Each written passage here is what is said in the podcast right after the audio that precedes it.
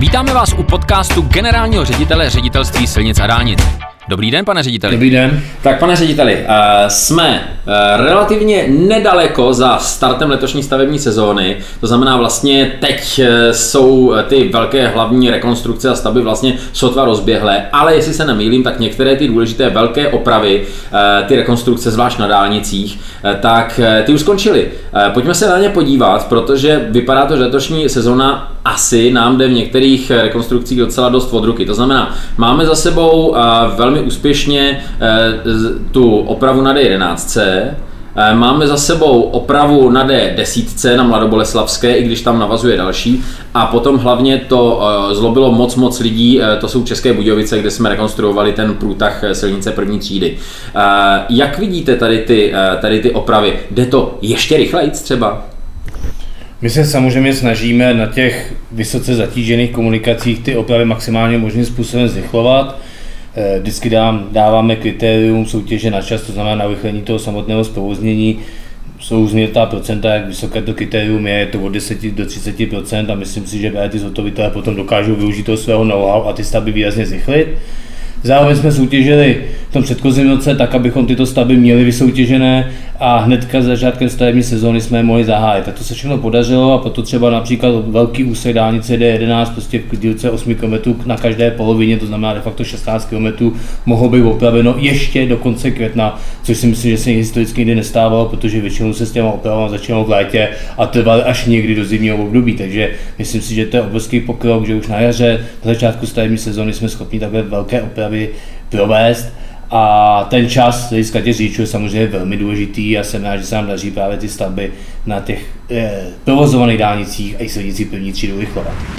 Tady u těch expresních oprav, eh, tak je třeba si říct, že, jak jste řekl, soutěží se na čas, eh, na místo eh, peněz, to znamená, nemusí nutně vyhrát tu zakázku ten nejlevnější, to znamená, ředitelství silnic a dálnic potažmo stát si prostě připlatí. A hmm. o kolik víc si připlatí? A je to opravdu částka, která se vyplatí těm stovkám tisícům řidičů za ten ušetřený čas, že opravdu tu opravu nebo tu rekonstrukci smrskneme do těch kolik? 29 dnů na těch 8 kilometrech.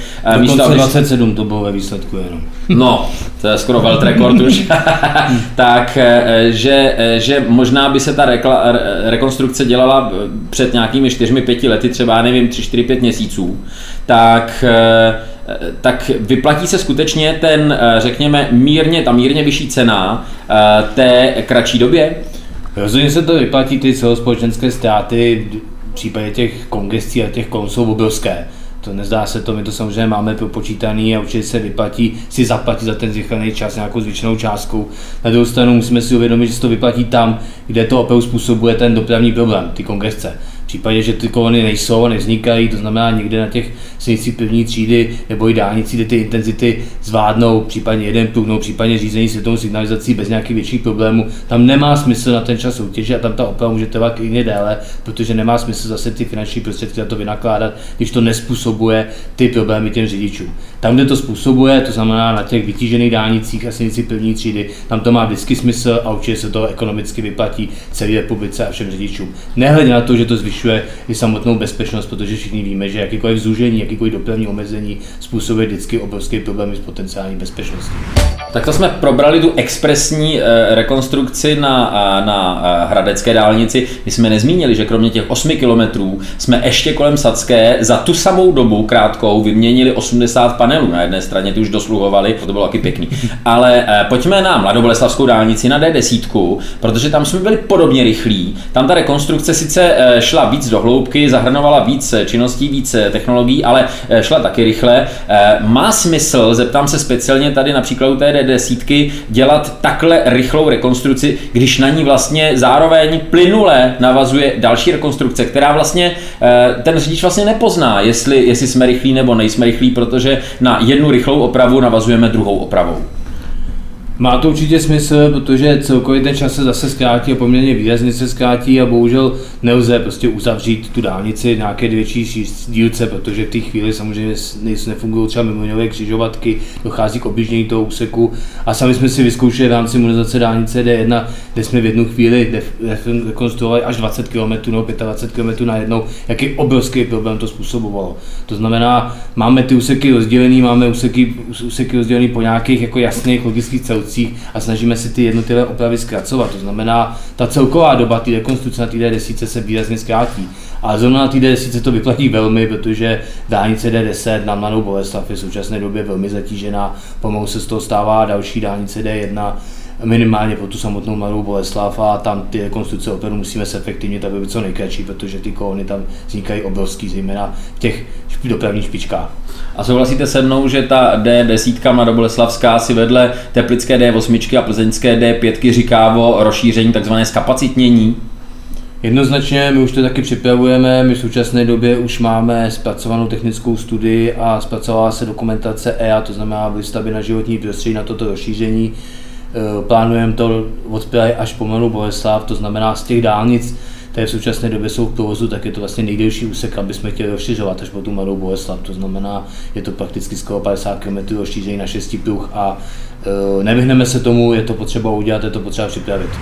Pojďme se z budoucnosti vrátit do současnosti. Třetí oprava, o které my mluvíme jako skutečně o rychlé, jo, tak tu spousta stovky, možná tisíce lidí, řidičů, chodců, e, uživatelů hromadné dopravy vůbec se nevnímalo jako rychlou, naopak jim to dlouho komplikovalo ze jejich pohledu život.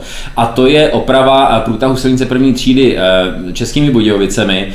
My jsme tam měnili Především jsme měnili povrch eh, na té, na té silnici a dělali jsme to za plného provozu a tam v okamžiku, kdy jsme začali frézovat, když jsme začali balit, jsme začali všechny tady ty věci dělat, tak samozřejmě to velmi, ale velmi dramatickým způsobem komplikovalo pohyb v celé té metropoli české. Eh, stále trváme si na tom, že jsme to zvládli rychle, Zvládli jsme to co nejrychleji jsme mohli a samozřejmě jakákoliv taková jde oprava takového rozsahu takovém městě jako Český Budějovice nebo obecně v krajských městech bude vždycky obrovský problém. Ta doprava samozřejmě není jenom transitní, ale je místní, to znamená, jedná se o úplně jiné intenzity, zase do toho chodci, zase do toho ta místní autobusová doprava, takže těch problémů, které na tom jsou, je daleko víc ještě někde v extravilánu a my jsme samozřejmě snažíme, aby tyhle ty opravy v těch městech, velkých městech byly co nejefektivnější a co nejrychlejší. Myslím, že tady se to podařilo maximálním způsobem, i když samozřejmě všem občanům České Budějovice omlouváme za ty komplikace, které to přineslo, ale uh, už asi efektivně lépe to tuto chvíli nešlo udělat. To, co jste teďka řekl, mě velmi inspirovalo. Představte si, pane řediteli, že eh, teď už je ta oprava rekonstrukce hotová, hmm. tak teď se nám to mluví, že jo? ale před třeba takovými dvěmi týdny, kdy to opravdu velmi komplikovalo tu dopravu v Českých Budějovicích, tak představte si, že byste nastoupil v Českých Budějovicích hezky odpoledne v dopravní špičce do trolejbusu, který je plný lidí a řekl byste, já jsem generální ředitel ředitelství silnice dálnic a já řídím tu organizaci, která vám to tady opravuje. A co myslíte, přišel by někdo dlounul, dlounul šoupnul by vás eh, do eh, podžebra, nebo by vám vynadal, nebo by vás vyhodili z toho eh, trolejbusu, nebo by vám řekli, chápeme, že se to musí udělat, ale nás to otravuje. Co si myslíte, že by se stalo? No, to je těžká otázka, myslím, že určitě by se někdo našel, kdo mě dloubnul. Kdybych tam byl já, bych zbránil. Určitě by se někdo zanadával, ale myslím, že by se našli ty, kteří dokážou pochopit, že to prostě rychle nejde a že se to opravovat musí, protože po té komunikaci jezdí a každý chápe, že každá komunikace se jednou prostě opravit musí. Nic není prostě věčný a prostě musíme ty opravy dělat a těžko tuto chvíli eh, stanovat nějaký rychlejší režimy tak, aby jsme prostě dokázali prostě tu opravu ještě dál efektivně. Děláme, co můžeme, snažíme se tak, abychom tu dopravu omezovali co nejméně, ale prostě má to nějaké své technologické limity. Co kdyby vám v tom trolejbusu někdo vynadal za to, že jsme to neopravovali i v noci? No, protože jsme zase ve městě, tak si musíme uvědomit, že kdybychom operovali v noci, tak mi nemožná nevynadají ty lidi z toho trolejbusu, ale možná taky, protože tam bude člověk, který v té oblasti bydlí a v noci se nevyspal, takže o to by byl protivnější a o to víc víc naštvaný, že jsme ho nenechali vyspat. To tak, znamená, přes noc zdržujeme a v noci ho nenecháme vyspat. Tam by došlo na ten dloubanec asi. Tak tam by došlo na ten dloubanec, takže za mě jako v těch městech je opravdu to velký problém. Tam ty noční práce prakticky nejsou možné, protože jsou to lučné práce. Prakticky, když se opravuje silnice, tak se nedá to dělat bez toho, aniž bychom ty limity nějakým způsobem porušovali, takže v těch městech se v noci prakticky dělat nedá. To je nemožné. Máme teďka v běhu nějakou další takovouhle expresní opravu, rekonstrukci, ať už je to ve městě, na dálnici? tak ty opravy tuto chvíli pokračují, neřekl bych, že jako Beka by věnoval, že jsou expresní, já si myslím, že všude na těch vytížených dálnicích a silnicích první třídy ty opravy probíhají, například tady na, na D0, kde děláme opravu před dálnicí D6. D0 je Pražský okruh, Pražský okruh, někdo nevěděl. Na Pražském okruhu, tak tam je taky přesně soutěž na čas, je to velmi rychlý, opravuje tam CB desky, eh, to znamená, to je taky prostě velmi expresní oprava, že si uvědomuje, kde se nacházíme, nacházíme se znova ve velmi vytíženém úseku. Takže to je typický příklad, kde ta expresní oprava je. A například na dálnici D, na co chystáme na tom 16. 21. km, tam to bylo taky soutěž na čas a tam si myslím, že ten pohyb těch strojů, až se ta oprava začne v létě, bude taky obrovský. Tak pane řediteli, já vám expresně poděkuju a budu se těšit u dalšího podcastu na schvánou. Taky hezký den.